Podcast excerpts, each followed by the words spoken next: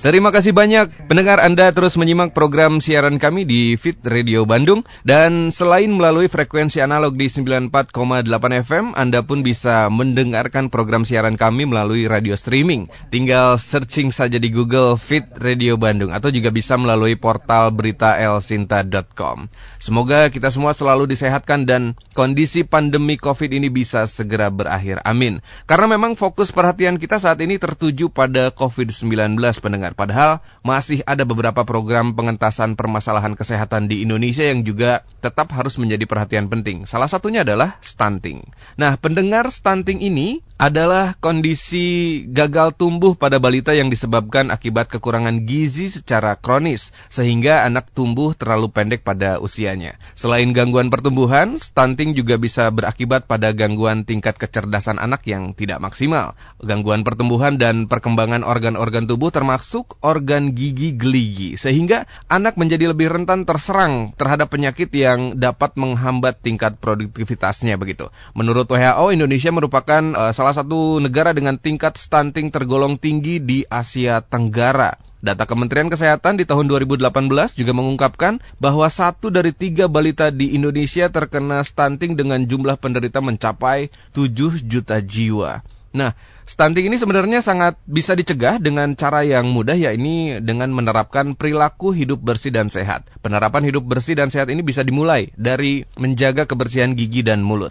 Mungkin terdengar sepele pendengar, namun ternyata menjaga kebersihan gigi dan mulut anak begitu sangat penting dan memiliki pengaruh besar untuk mencegah stunting. Caranya adalah dengan membiasakan anak untuk rajin menggosok gigi. Nah, sebetulnya seperti apa korelasi atau hubungan antara permasalahan gigi dengan stunting? Saat ini kita akan bergabung bersama Dr. Gigi Ira Citra Afsari dari RSUD Kesehatan Kerja Provinsi Jawa Barat, bagian promotif bidang kesehatan lingkungan Jabar Bergerak, serta pengurus PDGI Kota Bandung yang sudah terhubung melalui sambungan telepon. Apa kabar, dokter?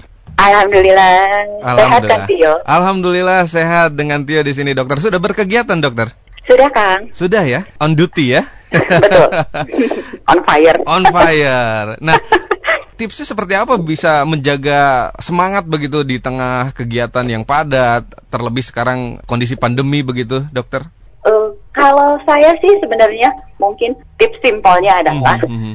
untuk menjalani masa pandemi ini adalah yeah bagaimana kita menjaga semangat kita gitu. Hmm. Nah, semangat ini yang benar-benar luar biasa. Ketika hmm. kita mengawali hari yeah. dengan tidak semangat, otomatis nanti kita mengisi harinya tuh udah udah keburu lemas gitu hmm. kan. Nah, hmm. ya. Bagaimana ngisi semangatnya? Setiap orang pasti punya punya cara masing-masing ya? ya. Cara masing-masing, hmm. betul.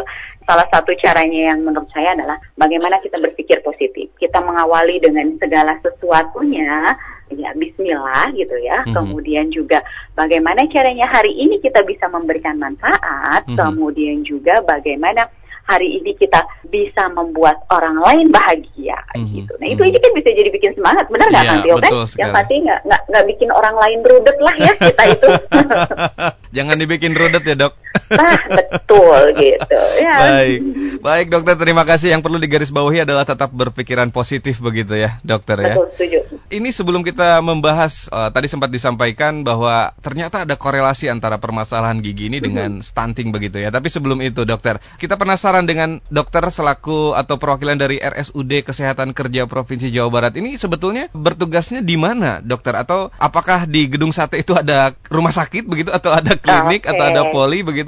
Iya, masyarakat ya. terutama yang ada di daerah sekitar Bandung Timur ke arah sana, mm -hmm. di RSUD Kesehatan Kerja ini adalah rumah sakit umum daerah milik Provinsi Jawa Barat mm-hmm. yang letaknya di daerah Cicalengka, okay. depan Parakan Muncang ya posisinya. Yeah, yeah, Jadi yeah. dulu itu balai balai BKKM, kemudian sekarang berubah menjadi Rumah Sakit Umum Daerah Kesehatan Kerja. Okay. Nah, fit listener mm-hmm. yang ada di daerah sana silahkan berkunjung ke RSUD Kesehatan Kerja. Mm-hmm. Kami terbuka ada layanan-layanannya, ada rawat mm-hmm. jalan, rawat inap, kemudian juga IGD-nya. Mm-hmm. Nah, RSUD Kesehatan Kerja ini punya yeah. Iya. uh, satuan pelayanan. Hmm, nah, satuan okay. pelayanannya ini adalah klinik yang ada di Gedung Sate. Gitu. Hmm, okay. Posisi kliniknya adalah klinik Pratama.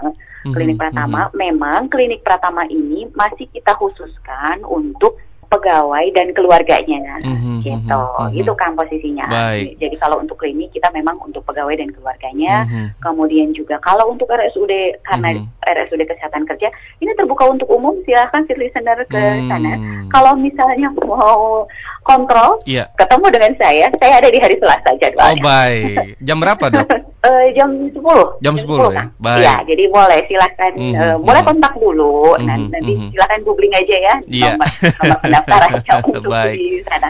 Baik. Kita ketemu bisa di sana. Baik, terima kasih dokter. Jadi memang di Gedung Sate itu ada klinik begitu ya, klinik Pratamanya Betul, di Gedung ya? Sate ada klinik. Dan RSUD-nya itu ada di daerah Cicalengka. Ada di daerah Cicalengka. Cicalengka. Depan Ya, jadi satu di kota, satu lagi kita mm-hmm. di daerah. Di daerah ya. Baik. Iya, betul. Baik, terima kasih dokter untuk penjelasannya dan juga kesediaan meluangkan waktunya di hari ini. Dan pendengar Anda pun bisa berkonsultasi langsung bersama dokter Gigi Ira. Silahkan bisa menghubungi WhatsApp atau juga SMS kami di nomor 0811 2102948. Kami ulangi nomornya di 0811 2102948. Atau juga bisa mention kami melalui akun media sosial Twitter at Fit Radio Bandung. Baik, dokter kita akan langsung ke bahasan ini terkait uh, hubungan atau korelasi antara antara permasalahan gigi dengan stunting begitu. Seperti yang kita ketahui stunting di Indonesia ini sepertinya memang masih relatif tinggi dan sedikit terlupakan akibat pandemi ini, Dok. Nah, betul. Seperti apa hubungan stunting dengan gigi ini, Dokter? Mungkin bisa dijelaskan terlebih dahulu. Oke, okay, ya fit listener. Jadi, mungkin saat ini kita selalu berpikirannya bagaimana pandemi, bagaimana kita menghadapi pandemi dan lain sebagainya. Mm -hmm. Tapi mm -hmm. pandemi udah sebentar lagi mau ulang tahun ya, ya COVID ini. Betul. Ya, ya betul. Nah, lagi lucu-lucunya mungkin ya. Lagi lucu-lucunya benar.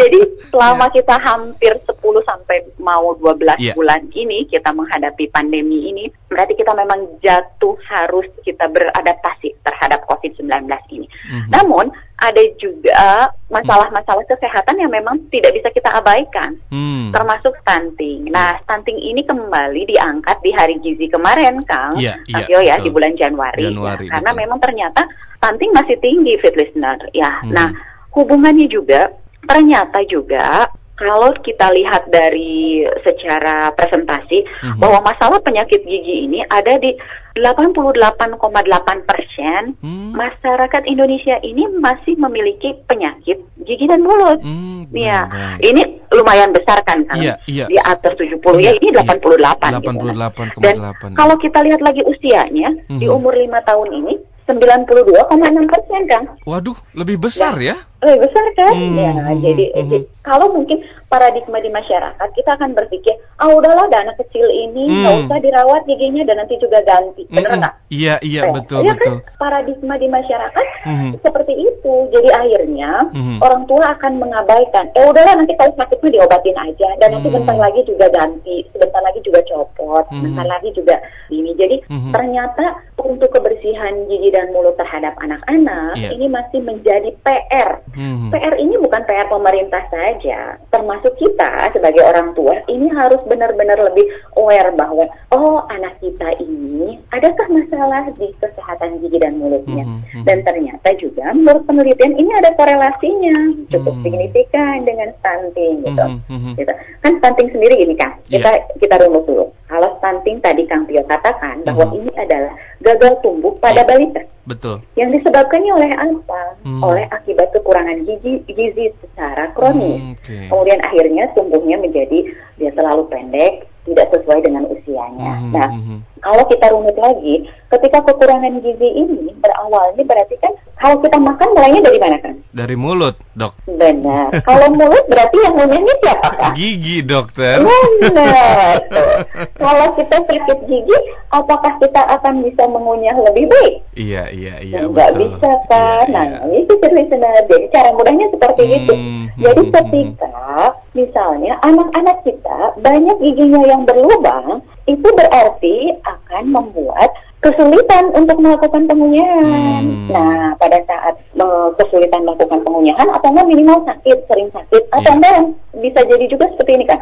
Ketika sakit kan nggak bisa tidur ya, yeah, karena kita berhari-hari nggak bisa tidur nangis terus dokter, yeah. ini nggak bisa tidur dan lain sebagainya. Mm -hmm. Itu juga mengganggu juga kan. Mm. Gitu. Nah, secara umum bahwa si karies gigi ini adalah mm-hmm. bisa menyebabkan sebagai variabel yang mengganggu mm-hmm. fungsi pengunyahan, mm-hmm. kemudian juga mempengaruhi nafsu makan, mm-hmm. kemudian juga akhirnya nanti akan berpengaruh terhadap intake gizinya. Mm-hmm. Akibatnya apa secara jangka panjang? Nanti akan terjadi gangguan pertumbuhan gitu. Akhirnya Nah, gangguan pertumbuhan nyambung-nyambung deh ke stunting, hmm, gitu kan. Iya, berarti memang ternyata sangat berhubungan begitu ya dari asupan gizi ya yang yang kita tarik dari uh, gangguan kesehatan atau gangguan kesehatan gigi, ya, gigi ya, betul. Ya, betul. Mm-hmm. Tadi juga dokter sempat sampaikan dan betul kita setuju sekali bahwa uh, terkadang gitu pemahaman di masyarakat melihat uh, balita ataupun ya anak-anak gitu dengan mm-hmm. gigi yang mohon maaf roges begitu ya.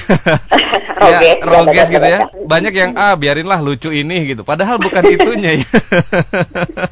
benar benar Betul kan padahal bukan itunya tapi ada hal lain yang memang perlu diperhatikan eh, oleh masyarakat. Baik. Tapi dokter selain karies ini ada juga permasalahan gigi yang lainnya dokter. Seperti misalkan kan kalau memang balita itu rentan sekali untuk tanggal begitu ya dokter. Mhm, nah, mhm, apakah juga itu termasuk menjadi salah satu faktor begitu dokter? Iya, jadi kan ternyata menurut penelitian bahwa mm -hmm. listener bahwa karies ini yang tadi bisa menjadi penyebab stunting, -hmm. ini kan memang banyak dilupakan. -hmm. Nah, di tahun 2018 itu ada penelitian yang bahwa dilihat di SD negeri itu -hmm. yang di Kerinci ya posisi ini ya, nah, ternyata 68 anak SD-nya -hmm. itu dia mengalami karies gigi. Kemudian -hmm. ini signifikan dengan terjadinya stunting. -hmm. Nah, -hmm. ternyata Kang, dampak pertumbuhan anak stunting ini terjadi pada kita sebutnya erupsi gigi. Jadi bukan gunung aja yang erupsi okay. ya.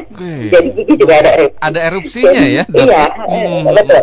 Nah, erupsi ini adalah kita sebutkan hmm. sebagai pergerakan gigi dari tempat pembentukannya di dalam tulang ke arah gusi.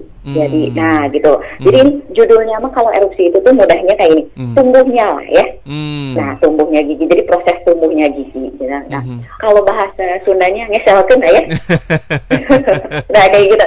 Jadi ternyata stunting ini akan berpengaruh terhadap erupsi gigi. Hmm. Nah, erupsi gigi ini berpengaruhnya seperti apa? Biasanya pada hmm. anak-anak yang mengalami stunting, dia akan mengalami keterhambatan terhadap erupsi gigi. Hmm. hmm nah, hmm. erupsi gigi ini berpengaruhnya terhadap apa? Karena kan erupsi gigi, gigi ini hmm. adalah pertumbuhan fisik. Hmm. Pertumbuhan fisik termasuk pertumbuhan tulangnya. Padahal gigi pun kan dia menempelnya pada tulang. Jadi ketika hmm. ada gangguan secara keseluruhan, secara sistemik, ya, otomatis ya. dia akan terjadi gangguan terhadap pertumbuhan tulang. Hmm. Pertumbuhan tulangnya, terutama tulang di tulang rahang, kemudian itu akhirnya akan mengganggu terhadap tumbuhnya gigi yang erupsi gigi ini. Hmm. Jadi ini e, menjadi sebuah lingkaran. Hmm. Ketika anaknya stunting, stunting kan dilatar belakangi oleh gizi buruk. Yeah. Nah, kemudian juga pertumbuhannya juga jadi terlambat. Nah, pertumbuhan tulang pun menjadi terhambat. Yeah pertumbuhan gigi itu menjadi terhambat. Nah, hmm. gitu kan.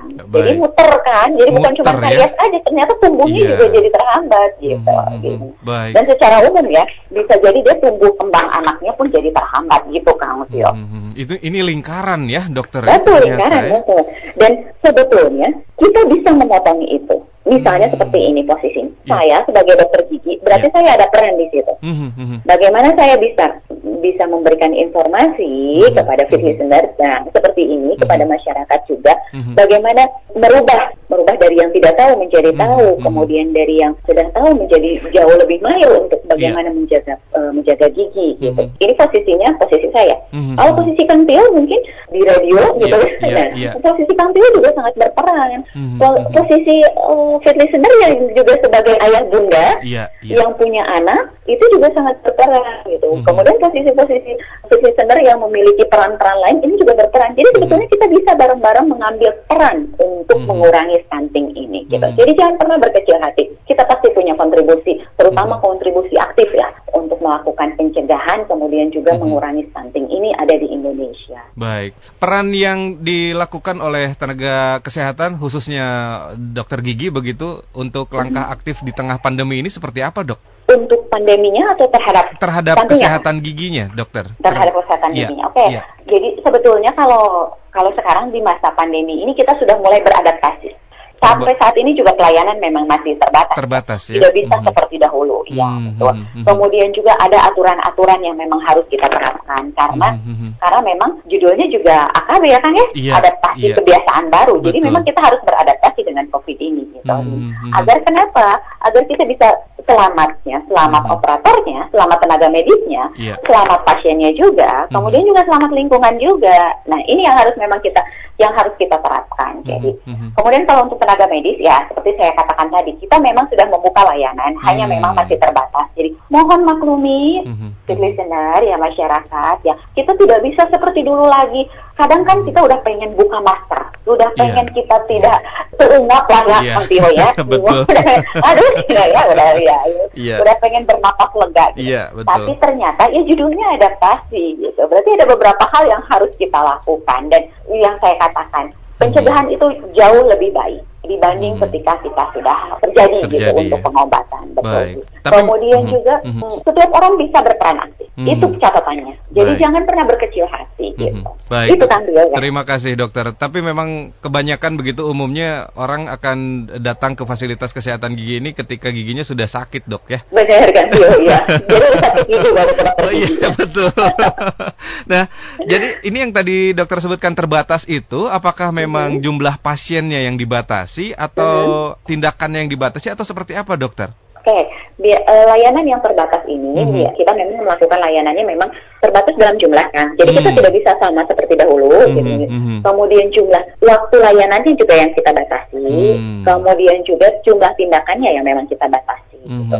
Karena kita tidak menutup mata bahwa yeah. tindakan gigi ini adalah tindakan yang mengandung e, menimbulkan aerosol. Mm -hmm, nah, iya, aerosol betul. kemudian juga droplet betul, ya. Betul. Nah, Sangat itu beresiko adalah, betul, Dok. Betul mm -hmm, sekali. Mm -hmm. Nah, kenapa tindakannya dibatasin dokter, mm-hmm. kenapa waktunya, kemudian juga kenapa jumlahnya. Mm-hmm. Karena memang kita harus mengenakan APD kan yeah. selama selama tindakan gitu. Otomatis kebayang tuh Kang Tio kalau misalnya dari jam 8 sampai sampai siang kita pakai. APD, pakai yeah. baju astronot, pakai baju astronot. juga operator. Mm-hmm. ya, benar. Yeah. Operatornya kasihan juga gitu. Nah, yeah, yeah. kemudian juga tindakan-tindakannya kita batasi dengan yang kalau misalnya mm-hmm. memang ruangannya tidak tidak bisa kita rekayasa, mm-hmm. itu akan pembatasannya akan sangat mm-hmm. banyak gitu yang jadi otomatis kalau kita sama-sama harus saling memaklumi gitu. Mm-hmm. Oleh karena itu Kang Tio, yeah. otomatis berarti pencegahan jauh lebih baik. Jadi jangan tunggu yeah, sakit betul. gigi dulu. Mm-hmm. Jadi lebih baik kita bisa menjaga, menjaga diri. Mm-hmm. Kalau misalnya bisa kita lakukan pencegahan secara mandiri dalam artian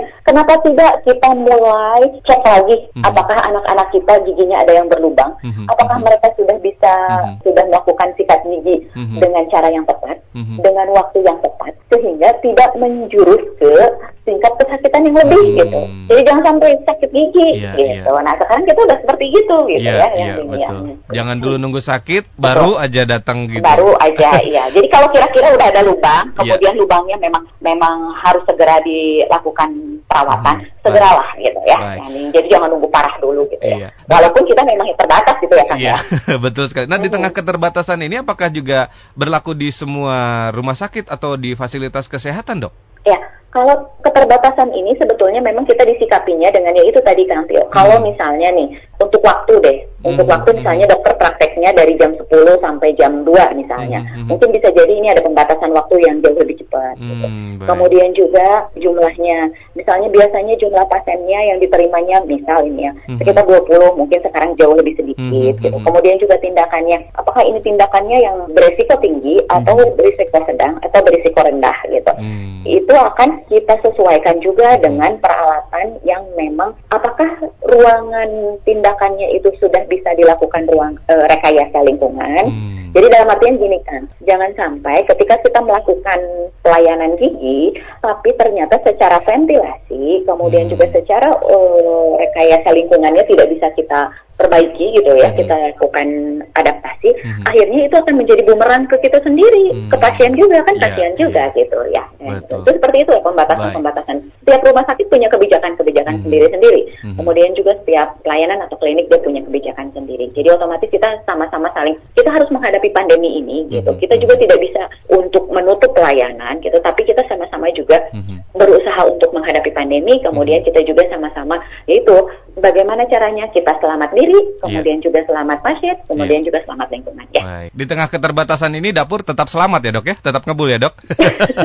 nah ini juga ya Ini memang paradigma ini yang harus ini. Mm -hmm. Apakah ini terimbas? Sangat tidak hanya maksudnya uh, semua kalangan. Yeah, Jadi yeah. perekonomian ya kan ya. Yeah. perekonomian juga sama lah ya. Sama ya. juga ya yeah. berpengaruh. Suka sedih dok kalau yang, begitu dok. ya. Nah, yang pasti sih, yeah. kalau menurut saya sih, mm-hmm. kita ini harus setting pikirannya ya, mm. positive thinking lah ya, yeah, yang ini ya. Jadi yeah. dalam artian yang memberikan rezeki itu mm-hmm. adalah bukan dari pekerjaan kita, mm. betul kan? Yeah. Kalau misalnya saya gitu, apakah saya misalnya rezeki saya itu dapatnya dari praktek? Belum tentu juga, mm. gitu kan? Yang mm. ini, karena rezeki itu sudah tertakar, mm-hmm. tidak akan tertukar dan sudah juga terukur. Mm. Jadi sebenarnya sudah tidak tidak usah tidak usah berkecil hati yeah, gitu. Yeah. Jadi yang penting kita mah ikhtiar aja. Yeah. Tapi ikhtiarnya juga optimal ya gitu. Yeah. Jadi itu aja kalau saya sih sekarang catatannya gitu.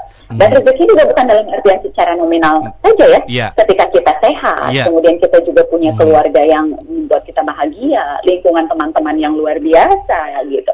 Nah itu juga adalah sebuah rezeki. Siap. Gitu kan. Atur nuhun dokter untuk remindernya ya dan iya, betul. percaya juga. Ini self reminder juga. Reminder juga nih self reminder bahwa rezeki ini sudah ada yang mengatur dan tidak akan tertukar begitu ya dokter. Iya dan sudah terukur. Sudah terukur baik. Iya dokter. betul. Memang kondisi saat ini membuat kita harus lebih kreatif ya gitu ya dok ya. Dan betul. Ya dan sekarang juga akhirnya mm -hmm. pandemi ini membuat kita selain kreatif kita pun menjadi mandiri. Mm. Betul kan? Iya, nah ya, seperti ini. Jadi bagaimana kita memandirikan. Mm -hmm mulai dari inilah, mulai dari apa namanya, mulai dari anak-anak sekolah, hmm, kemudian juga pelayanan kesehatan pun akan seperti itu. Hmm. Bagaimana kita mendrive hmm. pasien-pasien ini, masyarakat ini bisa melakukan uh, segala sesuatu secara mandiri dalam artian itu berarti pencegahannya yang harus kita yeah. perbesar, yeah, tidak di dalam pengobatan gitu. Yeah. Nah ini pencegahannya kan mulai dari itu aja kan yeah. 3M saja kemudian 5M juga itu kan semuanya kan berlakunya adalah pencegahan yeah. jadi jangan sampai kitanya masuk ke arah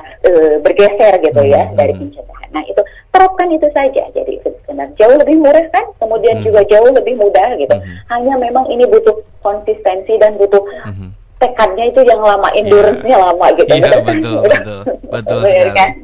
Uh, ini sudah ada beberapa SMS dan WhatsApp yang masuk, dokter. Tapi ini ada satu yang uh, kita pengen tanyakan. Ini di tengah kesadaran masyarakat tadi ya, yang sempat uh, dokter sampaikan bahwa memang belum uh, masih di, dirasa belum sesuai dengan harapan begitu akan kesada atau kesadaran akan kesehatan gigi terutama begitu ya. Nah, dan stigma dari masyarakat yang untuk datang ke dokter gigi ini antara takut begitu ya dan juga dengan biaya yang tidak murah begitu dok. Tanggapannya seperti apa dok? Oke, yang pertama mungkin kita lihat dari rasa takut dulu ya. Mm -hmm. Jadi rasa takut ini memang ditimbulkan karena memang paradigma-paradigma atau asumsi-asumsi yang memang mm -hmm. terjadi di masyarakat. Itu mm -hmm. pertama. Mhm. Kemudian mm -hmm. juga asumsi-asumsi yang diturunkan. Jadi dalam artian kayak gini kan. Mm-hmm. Kayak misalnya anak anak teh rada-rada uh, bager lah ya yeah. dalam arti tanda kutip gitu ya. Yeah. Jadi misalnya eh, kadang kita orang tua yeah. suka me, apa namanya mengancam dengan kata-kata yang seperti nanti disuntik gerak, awas nanti dicabut gerak giginya. Nah kan seperti itu ditakut-takutin kan ya. Sampai, yeah, sampai yeah. akhirnya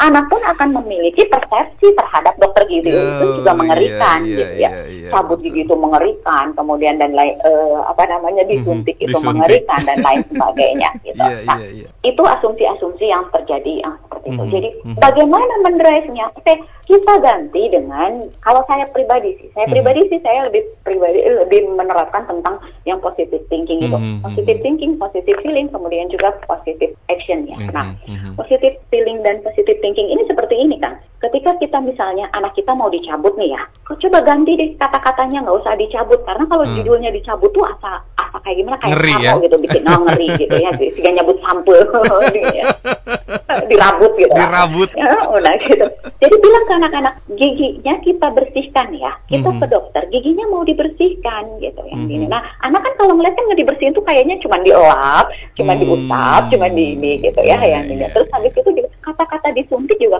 diganti misalnya. Mm-hmm. Giginya nanti dikasih obat biar giginya juga tidur. Nanti pas mm-hmm. waktu diambil nggak kerasa, nggak berdarah banyak gitu. Nah, mm-hmm. bisa kan seperti itu. Yeah. Jadi itu itu kan hanya merubah uh, penggunaan kata-kata mm-hmm. ataupun kalimat yang mm-hmm. jauh bisa menimbulkan energi positif yeah. gitu. Yeah. Kalau saya sih melakukannya yang seperti itu. Itu akan jauh lebih mudah untuk mengurangi tingkat mm-hmm. stresnya mm-hmm. dibanding kalau kita udah ngeliatnya dicabut, siun, nyeri, lah kayak gitu gitu kayak gitu.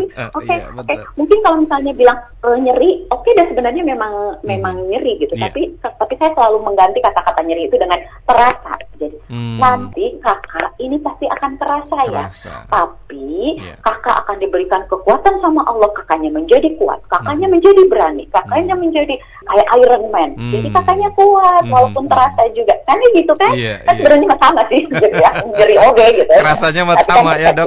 Benar gitu. Jadi ternyata kata-kata kemudian kalimat yang positif ini akan jauh lebih membuat uh, lebih mudah gitu ya hmm. Yani.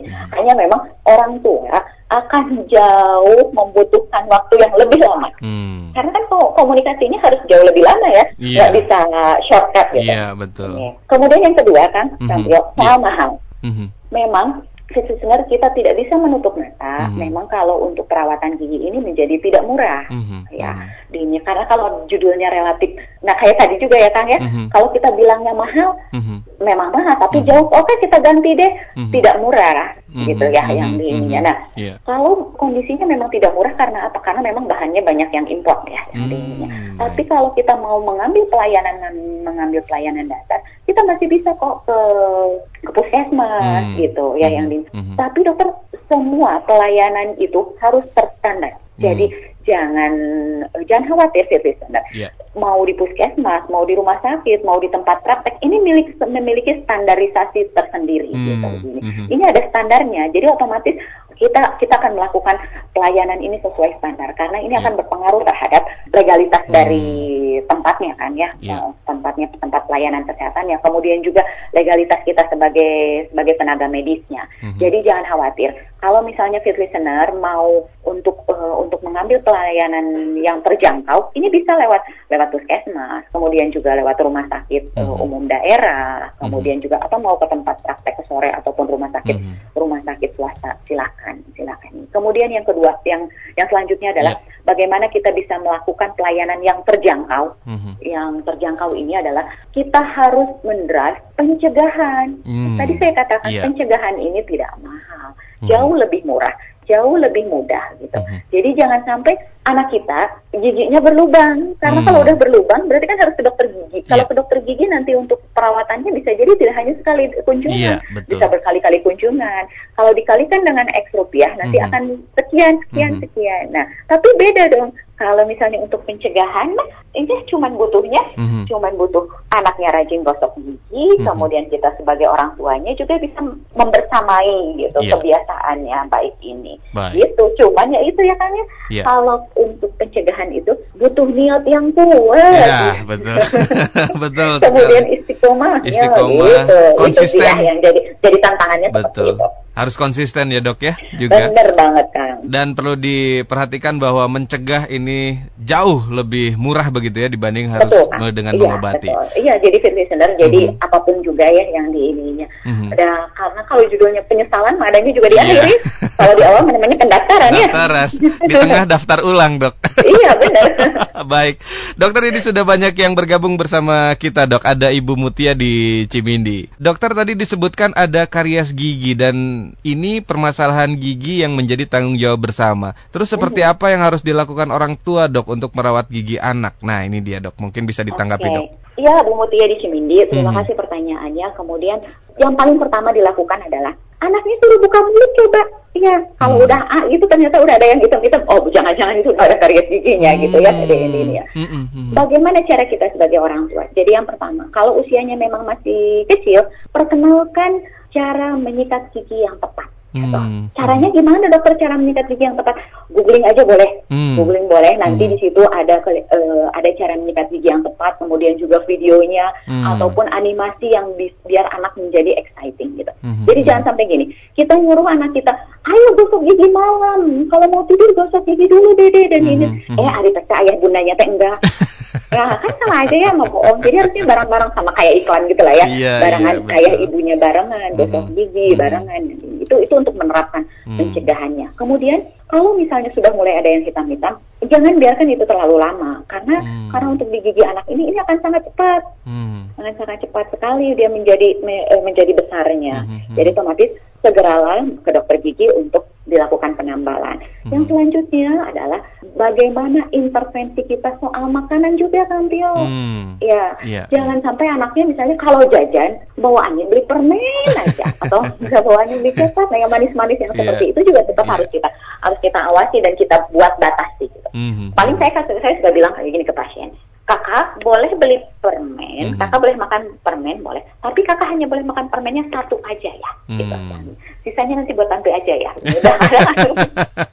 Ada yang seperti itu kan, Iya, Jadi, iya, karena iya. kalau kalau misalnya dia setiap dia memang terbiasa mem- memakan permen ataupun yang manis-manisnya dengan jumlah Mhm. yang cukup banyak, Mhm. otomatis anak akan akan terbiasa gitu. Jadi yang Mhm. kayak kayak kalau orang tua kan bilang ah sina anteng lah gitu. Iya, Nah, iya, nah, jadi betul. jangan sampai seperti itu. Baik. Itu kalau untuk makanan, kemudian juga gitu. Jadi mulai dari perkenalkan tentang cara menyikat gigi, Mhm, kemudian juga mhm. perkenalkan bagaimana cara kita makanan yang memang harus Mhm. kita pilih, kemudian juga perkenalkan anak-anak untuk ke dokter gigi. Mhm. Jadi jangan sampai pada saat sakit, kemudian pada sakit, kemudian ataupun anak yang memang eh, jadi anak sudah dalam keadaan ketakutan ke Hmm. dokter gigi Hmm. gitu, sudah Hmm. tidak nyaman gitu ya. Jadi kalau misalnya perkenalkan dari awal, perkenalkan dari awal untuk ke dokter gigi itu tidak menyeramkan, itu akan jauh lebih mudah. Mhm. Dokter gimana kan sekarang lagi masa pandemi. Iya. Ini. Jadi sebetulnya sih bisa googling kan, bisa Hmm. googling, kita bisa googling ini Baik. dokter gigi itu seperti ini, seperti ini, Mhm. seperti ini. Mhm. Itu animasinya juga banyak. Kemudian juga video-video yang menyenangkan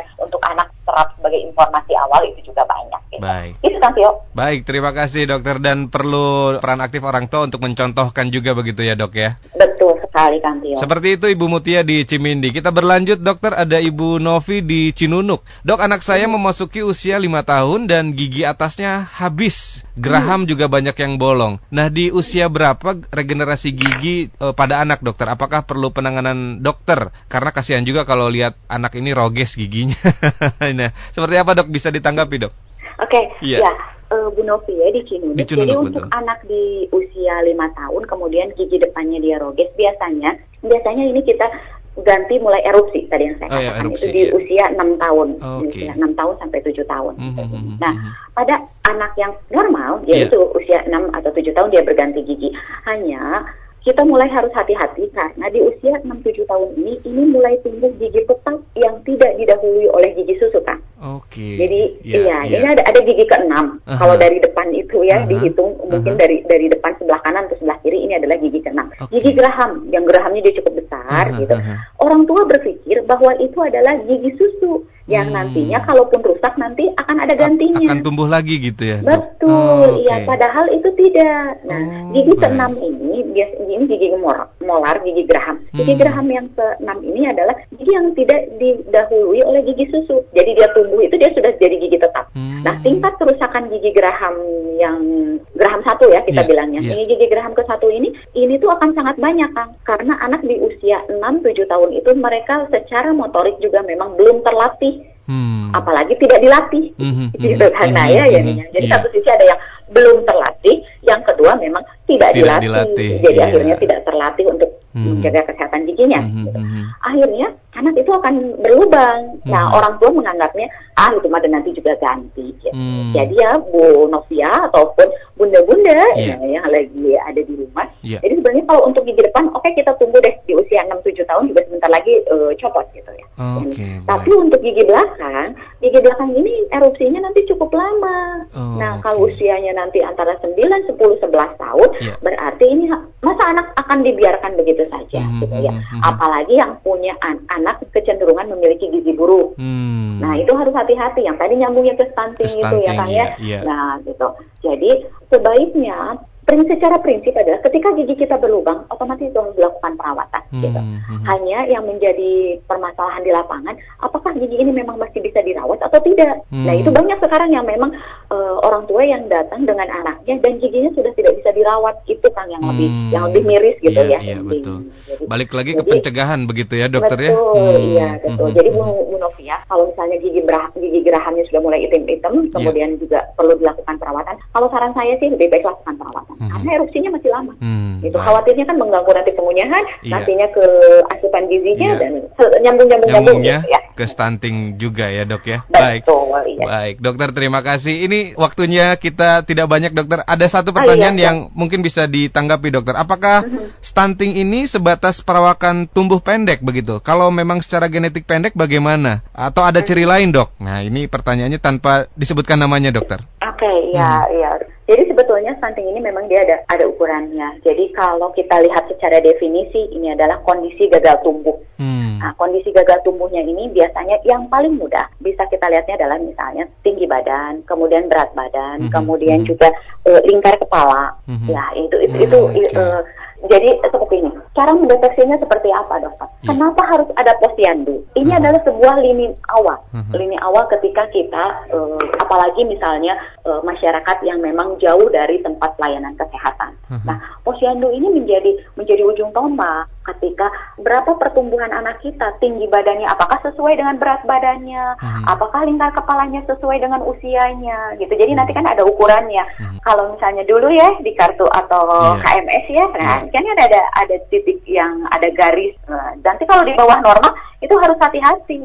Jangan sampai memang oh anak kita mengarah ke arah sana. Hmm. Dan juga samping ini Kang, memang yang harus kita kita tanamkan ini tidak terjadi tiba-tiba terhadap hmm, anak, baik. tapi terjadi juga pada ibu hamil. Hmm. Nah, saya nyambung sedikit ya Kang ya, ya ini waktunya. Ya. Sedikit singkat Jadi, saja dok. Iya. Oke, okay. uh -huh. ibu hamil kemudian juga pada saat kehamilan, kemudian juga pada saat seribu hari mm -hmm. pertama mm -hmm. kelahiran anak, mm -hmm. ini akan sangat berpengaruh terhadap Mm -hmm. Jadi bagaimana kita bisa bisa intervensi terhadap ibu hamil, kemudian juga pada saat seribu hari pertama itu, mm -hmm. itu kan untuk mencegah stuntingnya. Ya. Baik, terima kasih banyak dokter karena keterbatasan waktu. Closing statement dokter yang bisa disampaikan mengenai bahasan kita di hari ini dokter?